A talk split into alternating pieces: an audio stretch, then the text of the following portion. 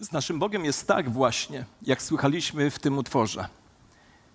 Im więcej Go poznajemy i nasycamy się Jego obecnością, Jego Duchem Świętym, tym bardziej wzrasta w nas pragnienie. Pamiętam ze szkoły średniej napis w klasie języka polskiego. Nauka jest jak bezmierne morze, im więcej pijesz, tym bardziej jesteś spragniony. Zawsze mnie bawił ten cytat, ale dzisiaj wiem, że to nie nauka, nie tylko nauka, ale przede wszystkim Bóg jest tym, który im bardziej Go poznajemy, im bardziej zanurzamy się w Jego Duchu Świętym, im bardziej Go poznajemy, tym bardziej wzrasta w nas pragnienie i głód Jego samego, ponieważ On jest odpowiedzią na nasze największe potrzeby i najgłębsze pragnienia naszego serca. A Biblia, ta przepiękna księga, jest wypełniona wieloma Bożymi obietnicami. A w czasach, w których przyszło nam żyć, w czasach tak wielkiego zamieszania, lęków, niepokojów, tym bardziej potrzebujemy słyszeć niebiańskie obietnice, ponieważ one dają nam wiarę w ciemności, siłę w chwilach pokus i nadzieję na przyszłość. Poznając Boże obietnice, mamy możliwość odkrycia wskazówek, po to, by zrobić kolejny krok w naszym życiu i zyskać siłę, by iść dalej, kiedy chce nam się zrezygnować i poddać. Myślę, że to, co mówię, nie jest obce nikomu z nas. Każdy z nas przeżywa w życiu takie chwile, kiedy chciałby się poddać, złożyć broń, zrezygnować, ale wtedy właśnie przychodzi Bóg ze swoimi obietnicami zawartymi w swoim słowie, by dać nam siłę, przynieść pokój i pokazać nam właściwą perspektywę i dać nam nadzieję na kolejne dni czy lata naszego życia. Bo gdy karmimy swoją duszę i swoje serce Bożymi obietnicami, wówczas dostrzegamy, jak bardzo jesteśmy bogatymi. Jedna z dawniej śpiewanych pieśni brzmiała tak: W nim mocny staje, każdy mocny, słaby mocnym staje się, a biedny może wyznać, że bogaty jest, bo wszystko dał mu Bóg. Zaczynam więc dzisiaj nową serię nauczania którą zatytułowałem Bóg obiecał. To było podczas moich studiów. Opowiadałem wam kiedyś tę historię. Na skutek niezbyt porządnego prowadzenia się pojawiło się w moim życiu ogromne, ale to ogromne poczucie winy, a wraz z nim potrzeba przebaczenia. Chciałem, żeby ktoś przyszedł do mnie i mi zapewnił, że zostało mi przebaczone żeby pozbyć się tego dręczącego mnie tak mocno poczucia winy. A ta potrzeba była tak silna, że byłem gotów zrobić absolutnie wszystko, by uzyskać przebaczenie i pozbyć się tego paraliżującego poczucia winy. Dlatego także dzisiaj chciałbym zacząć od przebaczenia, czyli Bożej odpowiedzi na problem winy. Posłuchajcie, co nam Bóg obiecał ich grzechów i nieprawości nie wspomnę więcej. Słyszycie tę obietnicę? Ich grzechów i nieprawości nie wspomnę więcej.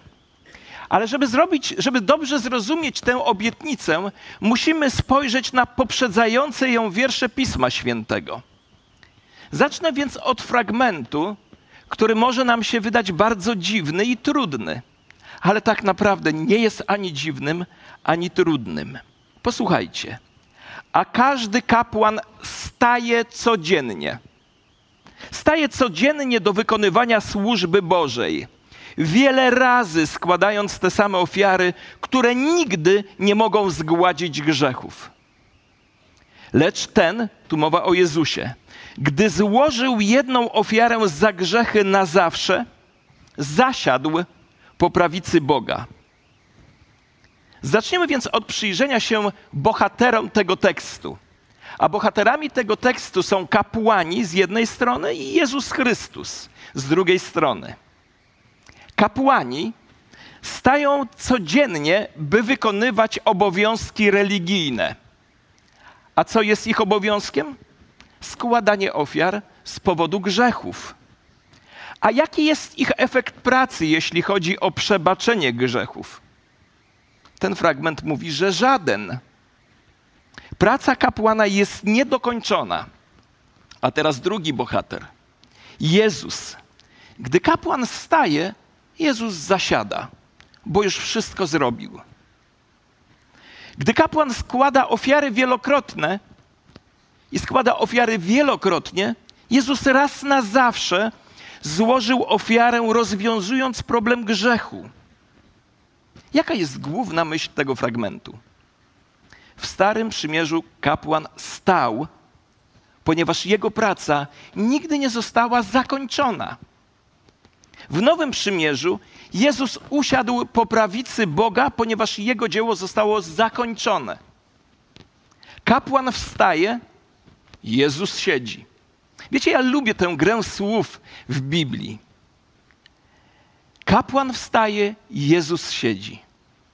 A dwa słowa, które opisują treść tego wiersza, to pierwsze słowo niedokończone, a drugie słowo skończone. Kapłan zabijał ofiarę, wylewał krew, palił zwłoki dzień po dniu, tydzień po tygodniu, miesiąc po miesiącu, rok po roku. Nie było końca zabijania, nie było końca rozlewowi krwi, nie było końca śmierci i jej zapachu. Kapłan był przesączony wonią zwierząt, zapachem krwi i swędem spalonych zwłok i nie był się w stanie tego zapachu pozbyć. A co najważniejsze, nie było rozprawienia się z grzechem i poczuciem winy. Nie było przebaczenia. Nie, za, nie zadam tego pytania, a może zadam je, ale nie poproszę o publiczne wyrażenie odpowiedzi na to pytanie. Ale zadam takie, ale zadam je. Kto z Was dzisiaj, nie podnoście rąk, nie dawajcie znak, odpowiecie sobie samym. Kto z Was dzisiaj, czy będąc tutaj na sali, czy oglądając ten przekaz przez internet, zmaga się z poczuciem winy spowodowanym grzechem w życiu? Nie było rozprawienia się z grzechem i poczuciem winy, kiedy kapłan składał ofiary. Nie było przebaczenia. Musimy więc zadać pytanie: jeśli ofiara ze zwierząt nie mogła zgładzić naszego grzechu, jaka ofiara jest w stanie tego dokonać? I list do Hebrajczyków, 10 rozdział, 12 wiersz, wyjaśnia to w ten sposób. Lecz ten, tu mowa o Jezusie, gdy złożył ofiarę, gdy złożył jedną ofiarę za grzechy, na zawsze zasiadł po prawicy Boga lecz ten Jezus. Zwróćcie uwagę na to małe słowo lecz. Twoje i moje zbawienie jest powiązane z tym małym słowem. Idziesz do nieba z powodu tego słowa lecz. Po jednej stronie stoją kapłani, wykonując Bożą wolę, dzień po dniu, tydzień po tygodniu, rok po roku, zabijając zwierzęta dla Boga. Ich ręce są splamione krwią, robią to samo każdego dnia, cały czas. Kiedy jeden z nich umiera, inny przychodzi, aby kontynuować składanie ofiar. Kapłan zawsze stoi, zawsze jest w akcji. On nie siada. A po drugiej stronie jest jeden mężczyzna. Jego imię Jezus Chrystus. I to małe słowo lecz oddziela i różni kapłanów Starego Testamentu, ale także wszelkiej maści innych kapłanów, zarówno tych z przeszłości, jak i tych z teraźniejszości czy przyszłych, od Pana Jezusa Chrystusa. To małe słowo lecz, ten mały wyraz lecz robi różnicę. Kapłani po tym wszystkim, jak dokonali tak wielu zabójstw, jakie mogli zrobić zgodnie z prawem Starego Testamentu, nigdy nie mogli usunąć grzechu. Lecz Jezus zrobił to, czego kapłani nigdy nie mogli zrobić i usiadł, ponieważ jego praca została skończona. Jeden człowiek zapłacił za grzechy na zawsze. Skończył dzieło, gdy umierał na krzyżu, usiadł po prawicy Boga. Jezus usiadł po prawicy Boga w niebie, ponieważ dzieło Jego zostało zakończone. I kiedy wołał, wykonało się, nie miał na myśli prawie się skończyło. Nie mówił też, wykonałem swoją część, a wy teraz musicie wykonać swoją część. Skończone to znaczy skończone. Być może niektórzy z was, z was myślą sobie, mówi nam dzisiaj o rzeczach oczywistych, które już wielokrotnie słyszeliśmy. Ale prawda o nas jest taka, że ta nasza religijność, którą mamy w naszej naturze starej, ciągle próbuje nas zmuszać do tego, albo do myślenia, albo nawet do działania, że w jakiś sposób ja muszę coś do tego dołożyć. A skończone znaczy skończone. Chrystus zapłacił w pełni cenę naszego zbawienia, dlatego usiadł. Czy myśleliście kiedyś o tym, że Chrystus zapłacił za wszystkie grzechy, które popełniliście? To nam jeszcze w miarę łatwo jest przyjąć. Ale On zapłacił za te grzechy, które w tym momencie popełniamy. I co ciekawsze, zapłacił za grzechy, które popełnimy. On już zapłacił za wszystko, co przed nami. To jest trudne dla nas do zrozumienia, ale tak jest. Chrystus zapłacił pełną cenę naszego zbawienia, dlatego usiadł. Wiem, że to zabrzmi dziwnie, lecz jeśli chcesz iść do nieba, to potrzebujesz zbawienia w pozycji siedzącej a nie działającej. I spróbujmy to podsumować. Trzy absolutne i wieczne prawdy, które wyjaśniają Bożą odpowiedź na problem, na problem naszej winy. Prawda pierwsza. Chrystus uczynił przez swoją śmierć to, czego kapłani Starego Testamentu nigdy nie, nigdy nie mogli zrobić, ale też tego, czego inni kapłani dziś czy w przyszłości zrobić nie mogą. Żaden kapłan nie może nic zrobić i nie mógł nigdy w przeszłości nic zrobić, żeby dokonać dla nas dzieła zbawienia. Kapłani Starego Testamentu pełnili wolę Bożą, lecz Jezus Chrystus zrobił to, czego oni nie mogli zrobić. Osiągnął zbawienie i zasiadł złożył jedną ofiarę z samego siebie i usiadł. Po drugie, nikt nie może, nikt nie może nic zrobić i nic nie może być dodane do dzieła Chrystusa, ponieważ jest ono ostateczne i kompletne. To właśnie miał na myśli Jezus, gdy powiedział: Wykonało się. Wierzyć w Jezusa, słuchajcie, ja sobie to powtarzam. Chciałbym, żebyście zapamiętali to zdanie. Wierzyć w Jezusa oznacza ufać Mu tak bardzo, że jeśli On nie może nas zabrać do nieba, to w inny sposób tam się nie dostaniemy. Słyszycie? Jeśli Jezus nas nie zabierze do nieba, to w inny sposób tam się nie dostaniemy. A ta prawda zmusza nas do przyznania się do dwóch rzeczy. Pierwsze, nie możemy nic zrobić, żeby siebie uratować od wiecznej kary. To jest pierwsza prawda. A druga prawda, Jezus zrobił już wszystko. Słyszycie? Nic nie możemy zrobić, a Jezus zrobił już, już wszystko. Do nieba trafiają tylko ludzie, którzy na to nie zasługują. Nikt nie może zapracować na drogę do nieba, ponieważ wszyscy zgrzeszyliśmy i brak nam chwały Bożej. Chcesz iść do nieba? To oto dwa słowa, które tam cię zaprowadzą. Tylko Jezus. Amen. Amen. Tylko Jezus. I trzecia rzecz. Ponieważ Jego dzieło zostało zakończone, nasze zbawienie jest stuprocentowo pewne. Aż mnie korci. Niektórzy z Was znają tę historię, jak będąc w technikum rolniczym, pani, moja nauczycielka od hodowli, dostała polecenie od górnej instancji, że ma mi postawić piątkę z hodowli na koniec roku. Zanim jeszcze do końca roku było bardzo daleko. Co robi uczeń na początku roku szkolnego, jeśli wie, że na koniec i tak będzie miał piątkę? nic nie robi. Jestem tego świadectwem. Lub może z wdzięczności za to, że ma tę piątkę na pewno w stu procentach, żyć tak, żeby swoim życiem przynosić chwałę. I to jest ta lepsza droga. Ale piątka już jest wystawiona. Ponieważ Jego dzieło zostało zakończone, nasze zbawienie jest pewne. Kapłani wstawali, ponieważ ich praca nigdy się nie skończyła i składali te same ofiary w kółko i w kółko, ponieważ grzech nigdy nie został usunięty. Lecz Jezus, ofiarując samego siebie jako ofiarę za grzech, raz na zawsze usiadł w niebie, ponieważ Jego dzieło zostało wykonane. Któż jest Bogiem jak Ty, który przebacza nieprawość i daruje winę i występek resztki swego dziedzictwa?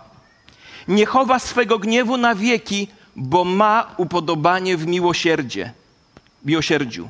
Odwróci się i zlituje się nad nami, pokona nasze nieprawości i wrzuci w głębiny morza wszystkie nasze grzechy. Słuchajcie, to jest dobra nowina. Miejscem, gdzie spoczywają nasze grzechy, jest najgłębsza głębina morska, a tam jest napis zakaz wyławiania. Gdzie jeszcze znajdziemy takiego Boga? Bóg lubi okazywać miłosierdzie takim grzesznikom jak ja i jak ty. Bóg uwielbia przebaczać grzechy. On pragnie, aby grzesznicy przyszli do Niego. Posłał swojego syna, aby umarł na krzyżu, a następnie mówi do całego świata: Każdy, kto chce, może przyjąć dar zbawienia. Każdy, kto chce, może przyjąć prezent, jakim jest zbawienie.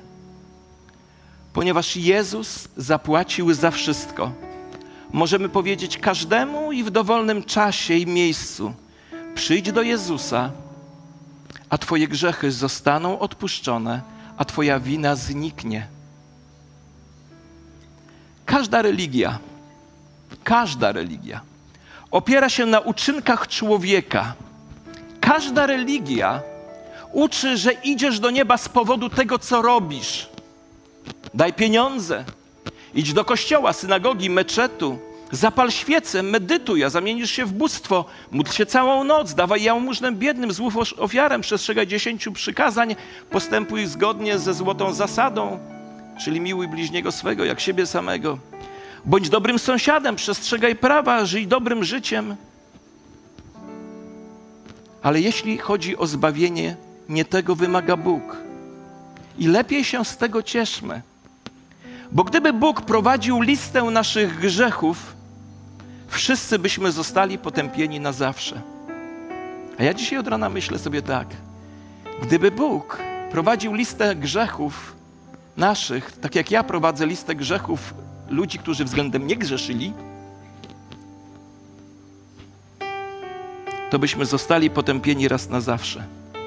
Pozwólcie, że zadam Wam osobiste pytanie. Czy jesteś zadowolony z tego, co Jezus zrobił dla Ciebie na krzyżu? Bo Pan Bóg jest zadowolony z tego, co Jezus zrobił dla nas na krzyżu. Wiecie, że Pan Bóg jest zadowolony? Bo przyjął Jezusa do nieba, a na znak tego zesłał swojego Ducha Świętego. Sam Jezus powiedział: Wykonało się. Cała cena została zapłacona w całości. I jeszcze raz to powtórzę. Idziemy do nieba, ponieważ mamy zbawienie zasiadane, kupione i opłacone przez Syna Bożego.